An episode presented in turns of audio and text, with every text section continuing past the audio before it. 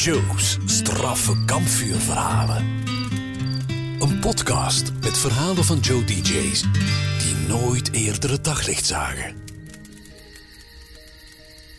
Hey, ik ben Raf van Brussel. Ik ben DJ bij Joe en ik presenteer de avondspits met mijn fijne collega Rani de Koning. Elke weekdag tussen 4 en 6. Ik heb ook een verhaal en ik neem jullie daar graag eh, mee terug voor naar het moet ongeveer 2003, 2002, 2003 geweest zijn. Het was een prachtige vrijdagavond. Een zomerse dag was het geweest en ik kwam thuis. Ik weet niet meer waar ik van thuis kwam.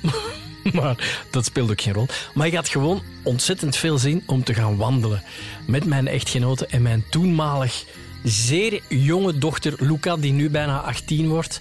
En we gingen naar een klein bos, eigenlijk, bij ons in de buurt. Het was op de grens van Lint en Lier. Uh, een heel mooi bos. De Wielenwaal heette het, uh, het domein. Dus we zetten de buggy in de wagen. We rijden naar de Wielenwaal. Ik kom daartoe.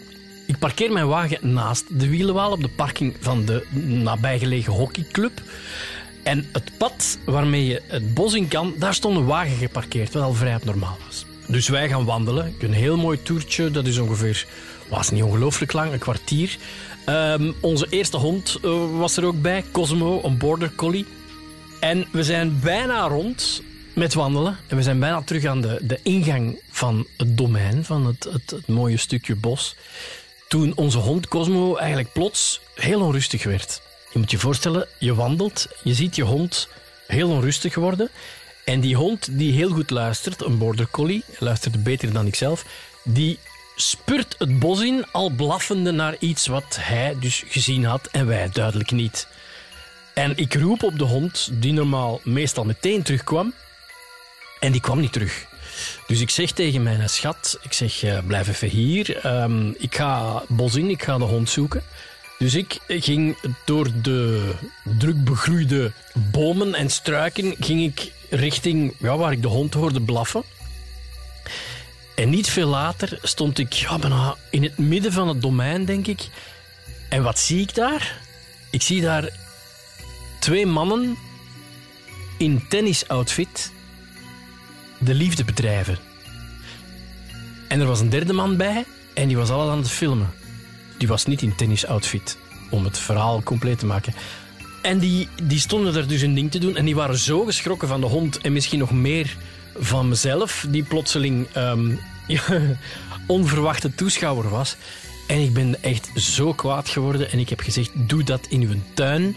Maar ja, dat is waarschijnlijk niet goed genoeg, want je kikt er misschien op dat mensen nu ontdekken of dat mensen nu vinden.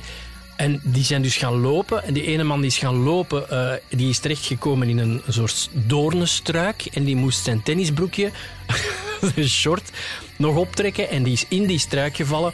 En ik ben erachter gegaan en ik heb echt nog geroepen van... Allee, je mag van geluk spreken dat ik de politie niet bel. Ik zit hier met... Er moeten maar eens kleine kinderen passeren of kindjes die in het bos komen spelen met hun ouders. Maakt niet uit. Ik, dat doe je niet, vind ik. En dat doe je nog steeds niet. Ha, dus ik was helemaal opgedraaid. Helemaal echt, ja, ik kan dat zo hebben. Helemaal in, in the moment. Helemaal uh, boos ook en zo. En ik ging, ik ging terug richting mijn echtgenote en Luca. Met de hond. En ik hoor iemand achter mij roepen: Meneer, meneer. En ik draai mij om en het was de cameraman van het illustre gezelschap. En die riep mij terug. En ik denk: Ja, nu wil ik wel weten wat die, wat die kerel te zeggen heeft. En ik ging terug en die zegt: U bent toch Graf van Brussel, hè? Van, de, van, van tv, met een Frans accent een beetje. En ik zei, kameraad, dat is nu niet het moment om het daarover te hebben. Hè? En dan ben ik, ik heb mij omgedraaid en ik ben gaan lopen. En dan uiteindelijk viel mij Frank bij het buitengaan van het domein dat, dat uh, de wagen die er stond, dat dat dus van dat, uh, ja, dat bizarre trio was. En als kers op de taart kan ik je meegeven dat er op de hoedeplank van die wagen een klein zweepje lag. Voilà straf, hè? Ik heb dat regelmatig nog eens verteld, ook op radio en zo, um, in de Zoete Inval op Radio 2. En dan denk ik, dat is dan zondagmorgen bij Luc Appermond, dan denk ik en dan hoop ik dat die mannen luisteren en zich serieus verslikken in koffie en hun croissant. Salut. Deze podcast is een samenwerking tussen Decathlon en Joe. Luister naar Joe op je radio, DAB+, de Joe-app en joe.be.